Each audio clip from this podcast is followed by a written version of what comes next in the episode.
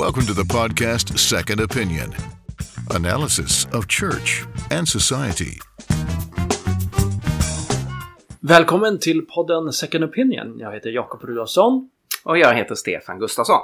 Och vi sänder den här veckan från Almedalsveckan i Visby på Gotland, mitt i Östersjön. Och varför är vi egentligen här, Stefan? Ja, det finns många bra anledningar att vara här. Om jag får börja med en, eh, bara en reflektion utifrån Apostlagärningarna 17. När Paulus kommer till eh, Aten så står det att han, eh, han går omkring och tittar i staden. Han tar in det som finns där i staden och han ser ju all avgudadyrkan och hur människor har har sökt efter Gud men samtidigt inte funnit Gud eller fått kontakt med Gud utan istället är, befinner sig på avvägar. Och och sen börjar han tala med människor på torget. Han, med alla de som uppehåller sig där var dag så är Paulus där. Han är förstås i synagogan men det markeras att han är på torget och talar med eh, epikurer och med stoiker, olika filosofiskolor eh, och med de som är där. Och det är lite med den attityden som vi befinner oss eh, i, i, eh, eh på, under Almedalsveckan som en så speciell vecka med så mycket olika människor och så mycket olika uttryck. Mm. Och man kan ju också påminna sig om att Aten eller Areopagen där Paulus befann sig befinner sig i Apostlagärningarna 17 är ju det stora intellektuella forumet för liksom, idédebatt, idédiskussion. Alla människor diskuterade där det, det, som var, det som var nytt. Och det är det vi gör här på Almedalen. Vi granskar, analyserar och bemöter olika tankeströmningar, idéer som finns i samhällsdebatten och där är det ju eh, naturligt för evangeliet att ta plats. Både i Almedalen, både i Areopagen och på Almedalen. Lukas gör ju en, en rolig kommentar om människorna i Aten att de var väldigt upptagna av allt det som var nytt för dagen.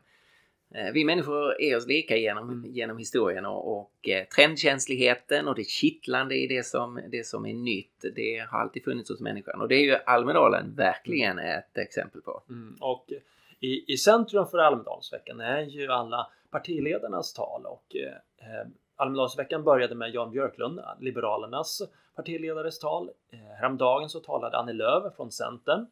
Och ikväll, eh, den här dagen då vi spelar in det här avsnittet, talar statsministern Stefan Löfven från Socialdemokraterna. Eh, då det är deras dag idag. Eh, och samtidigt så är det ju runt omkring alla de här partiledartalen en rad olika seminarier och det är ju det som är just anledningen till vårt arbete här, att kunna diskutera den, den kristna tron och dess betydelse för samhällsdebatten. Och idag har vi eh, både varit med och arrangerat eh, en rad olika seminarier. Eh, först på morgonen så diskuterade du, du ju ämnet fundamentalism hos det katolska Newman-institutet, Stefan. Och eh, kan du beskriva lite kort vad, vad det gick ut på? Ja, det var ett, ett spännande seminarium om fundamentalism, vad det är för någonting och då inte minst eh, den våldsbejakande fundamentalismen som ju eh, plågar världen idag. Och eh, det var bland annat författaren Lena Andersson som ju själv beskriver sig som sekulär humanist. Det var Eli Gönder som är religionshistoriker och Philip Geister som är katolsk, eh, eh, katolsk präst och ledare för Newman-institutet. Och så var jag med i panelen eh, eh, och vi diskuterade det här fenomenet hur man ska förstå eh, fundamentalism. Inte helt eh, ovanligt så var det Lena Andersson och jag som nog låg närmst varandra i uppfattningar när det gäller att, att bejaka sanningsövertygelser, alltså att tro på objektiv sanning. Men sen dra gränsen just vid eh, hur man låter sina övertygelser påverka andra människor. Alltså att man inte går över den gränsen som handlar om våld eller förtryck eh, av en annan människa. Jag tyckte du gjorde en väldigt bra distinktion. Du delade upp eh, själva benämningen fundamentalism i tre kategorier. Just den här, den första kategorin som går tillbaka till eh, början av 1900-talet när just den här skriftserien The Fundamentals kom ut i USA som skulle Eh, redogöra vad som var klassisk kristen tro. Att man hade vissa sanningsanspråk, man stod på ett, eh, ett tydligt fundament och de här skrifterna var ju en, eh, ett sätt att bemöta liberalteologin. Man utgick från en tydlig, san, en tydlig sanningsanspråk. Sen har det ju sociologiskt som, som du var inne på, din andra kategori, fundamentalism, blivit lite grann av att man är isolerad, man isolerar sig själv från kulturen, man, man avgränsar sig och har inte så jättemycket med det att göra. Det är ju det är, det är ett eh, tragiskt men det är inte ett eh, eh, men det går ju inte emot religionsfriheten. Människor har frihet att kunna isolera sig själva från det omgivande samhället. Sen har vi ju den tredje kategorin som du var inne på och som, som du och Lena tyckte var ju mest problematiska och det som vi behöver prata mer om. Just det här våldsbejakande. Hur ser man på våld och på ens meningsmotståndare?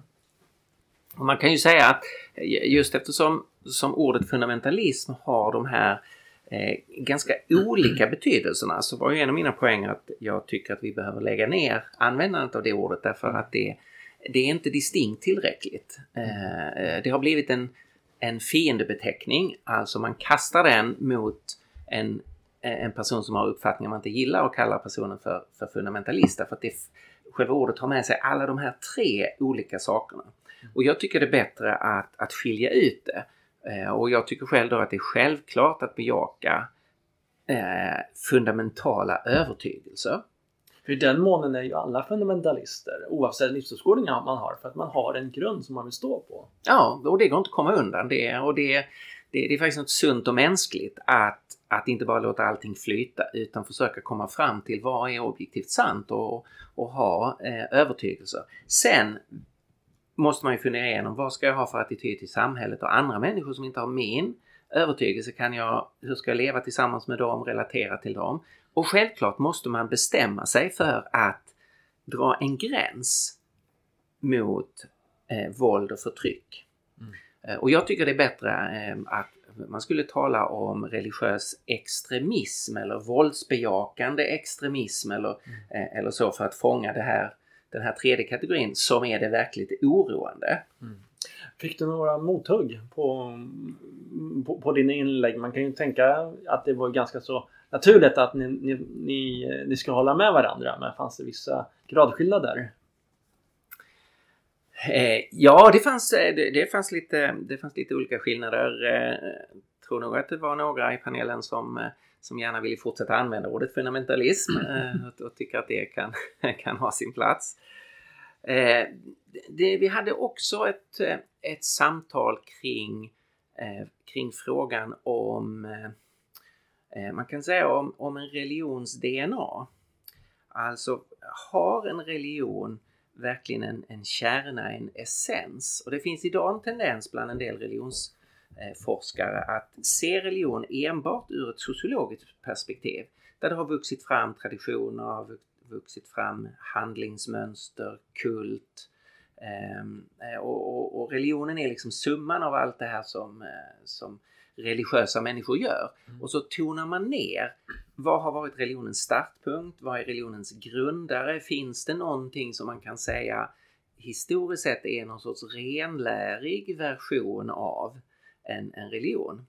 Och jag bejakar självklart att det finns en stark sociologisk dimension, att saker och ting har byggts på, och lagts till och utvecklats inom varje religion. Alla eh. utövarna har liksom lagt på saker där eh, kanske inte dess stiftare har, har bejakat eller, eller eh, befallt. Nej, så är det ju. Eh, och det, så är det ju med, med, med kristen tro att det är många saker som vi gör i, i kyrkorna som man måste säga, men det här är ju en del av ett, eh, en, en, en, historisk, eh, en, en historisk utveckling. Men man kan fortfarande ställa frågan, om vi går tillbaka till historien, är det möjligt att frigöra Jesus och apostlarnas undervisning, vad de stod för och vad det var som liksom drog igång den rörelse vi kallar kristendomen. Man kan gå tillbaka och titta på Muhammed och, och de efterföljande kaliferna, vad stod de för? Man kan gå tillbaka och titta på Buddha. Och de här religionsgrundarna har ju lämnat någon sorts DNA som finns i eh, rörelsen. Mm. Och det skiljer sig väldigt eh, kraftfullt åt, menar jag. Mm. Och där man då kan se att i de kristna rötterna så är det mycket svårt att hitta någonting som kan motivera våld och förtryck av andra människor. Eftersom Jesus själv eh, förkunnade att vi ska älska våra fiender och be för dem. Eh, att han eh, avvisade Petrus försök att med vapenmakt skydda, eh, skydda Jesus. kontrasten här är ju oerhört stor mot Muhammed som var en härförare, en krigsherre som använde militärt våld för att sprida sin, sin tro. Och så gjorde hans efterföljare. Så här finns ju en kontrast i religionernas DNA mm. och det tycker jag man måste vara ärlig med också. Samtidigt så är det ju en, en oundviklig diskussion som vi kristna måste kunna ta i när det gäller till exempel apartheid i, eh, i Sydafrika där många kristna stod på apartheidregimen. Mm. Mm. Eh, Herrens befrielsearmé i Afrika, i, i Uganda, som, som säger sig vara kristna och, och, menar att de finner stöd för detta, för deras hållning i, i Nya Testamentet. Och hur, hur skulle du, du då tänka att man skulle bemöta de människorna? Ja, här, eh, här, här, finns det mycket hemskt som eh, kristna har gjort i, i kristendomens namn och det ska man ju aldrig någonsin försvara utan vi, vi, måste bara se historiska fakta i ögonen och beklaga allt det som har, har varit felaktigt. Om man tänker på eh, antisemitism, man tänker på eh, rasismen i, i, i USA, eh, det starkt kristet präglade USA mm. eh, och så. Det, det jag tycker man ska notera här är ju att det är inte så att människor har, har öppnat Bibeln och sagt jaha, eh, jag som kristen borde vara antisemit. Nej men nu ska jag se till att utveckla den sidan hos mig. Jag som kristen borde vara rasist, det ser jag här tydligt i Bibeln. Nu måste jag utveckla det. Utan det har ju faktiskt gått på andra hållet, nämligen att kulturen har haft rasistiska övertygelser. Det har florerat, eh, byggts in starka känslor och perspektiv här kring rasism eller antisemitism eller kvinnoförtryck. Och sen förstås när du har ett färdig, en färdig övertygelse och en stark känsla så i en sån väldig textsamling som eh, om man tar Bibeln så det är klart att det är möjligt att hitta ett enskilt avsnitt som man kan liksom använda för att legitimera den uppfattning man redan har. Mm. Men en, ett sakligt studium av, av Bibeln ger ju absolut ingen grund för antisemitism både gamla och nya testamentet utgår ifrån det judiska folket. Jesus själv var jude, hans apostlar var judar. Eh, och man har ett, ett, ett hopp om judarnas frälsning. Eh, det, det finns ju absolut inget eh, antisemitiskt i, i Nya Testamentet. Eller om man tar eh, rasismen så startar ju Bibeln hur Gud skapar mänskligheten som en mänsklighet där vi alla har ett gemensamt ursprung och där den kristna församlingen sen helt unikt säger här är inte jud eller grek. Här är inte slav eller fri, här är inte man eller kvinna. Vi är ett i Kristus. Så både i skapelsen och frälsningen så, så är ju rasism utesluten. Mm. Och ett tydligt exempel på det skulle kunna vara just församlingen i Antiochia i Apostlagärningarna där, där de kristna just började kallas kristna. Där mm. finner vi Eh, ledare från, eh, från en rad olika länder. Eh, både från Nordafrika, från Mellanöstern, från Europa och, och från nuvarande Turkiet. Mm. Så här, här måste man kunna göra en skillnad mellan, mellan vad har hänt, hänt bland kristna människor genom historien och, och se att här är det många som har som utifrån övertygelse man har haft har försökt legitimera dem med enskilda bibelord. Man måste skilja det från om vi går tillbaka till till exempel de nytestamentliga skrifterna och gör en så saklig analys som, som det nu är möjligt att göra. Finner de här tankegångarna verkligen en legitimering här? Mm. Eh, och då skulle jag nej men det gör de inte. Och, och, det är helt omöjligt att finna legitimering i Nya Testamentet för att använda våld mot andra trosutövare. Medan om man gör en, en sådan analys av Koranen, av haditherna, av biografin om eh, Muhammeds liv så är det inte så svårt att hitta material som skulle kunna legitimera eh, eh, våld mot till exempel den som lämnar islam. Mm. Det var ju också ett ämne för vår, vårt eget seminarium som vi arrangerade här i Almedalsveckan under dagen som vi faktiskt gjorde ihop med humanisterna. Det, det med rubriken Rätten att häda, islamkritik och det öppna samhället. Och detta är ju en, en fråga som, eh, som vi finner tillsammans med humanisterna som allt mer viktig att kunna diskutera. För att vi hamnar, vi och humanisterna hamnar ju på olika sidor när det gäller kristendomens sanningsanspråk och när det gäller eh, vilken, som är, vilken livsåskådning som är eh, bäst förklaring av just den här världen som vi lever i. Men när det gäller frågor som rör religionsfrihet och rätten att kunna lämna sin livsåskådning, att anta en ny livsåskådning, att mm. kunna kritisera idéer som har funnits som problematiska i olika livsåskådningar så, så fann vi det Eh, kanske inte som en helig, o, en, en ohelig allians som Christer Sturmark uttryckte det under seminariet, utan som en nödvändig allians. Just det, och det var ett ämne som, som eh, uppenbarligen väckte ett stort intresse. Eh, Krukmakarens hus var absolut knökfullt med, med människor. Det var eh, alla stolar upptagna, det var människor som stod längs vägarna. Så att mm. det var ju publikmässigt en, en stor succé och mm. ett väldigt viktigt samtal som eh, Christer Sturmark ledde eh, mycket bra. Mm. Och deltagare i det här samtalet var dels Mona Walter som många känner till som eh, tidigare muslim, uppvuxen, uppvuxen i, i Somalia, blev ateist i, i Sverige eh, och sen kristen. Nu är hon eh, kristen debattör och islamkritiker. Eh, Hanna Gadban som är eh, shia-muslim som eh, betecknar sig som liberal muslim och vill försöka reformera islam inifrån och har kommit ut med boken Min Jihad Sen David Thurfjell, religionshistoriker vid Södertörns högskola. Och sen fick vi även eh, internationellt besök av mm. Tamal från Bangladesh, en bloggare som är ateist, sekulär ateist och eh, befinner sig i, i västvärlden för att söka asyl för att han eh, flyr repressalier. Han berättade ju förfärliga saker om den grupp av bloggare som han eh, tillhör där en ganska stort antal har eh, blivit eh, dödade. Många av hans kollegor mm. hade blivit dödade av, av extremister. Mm.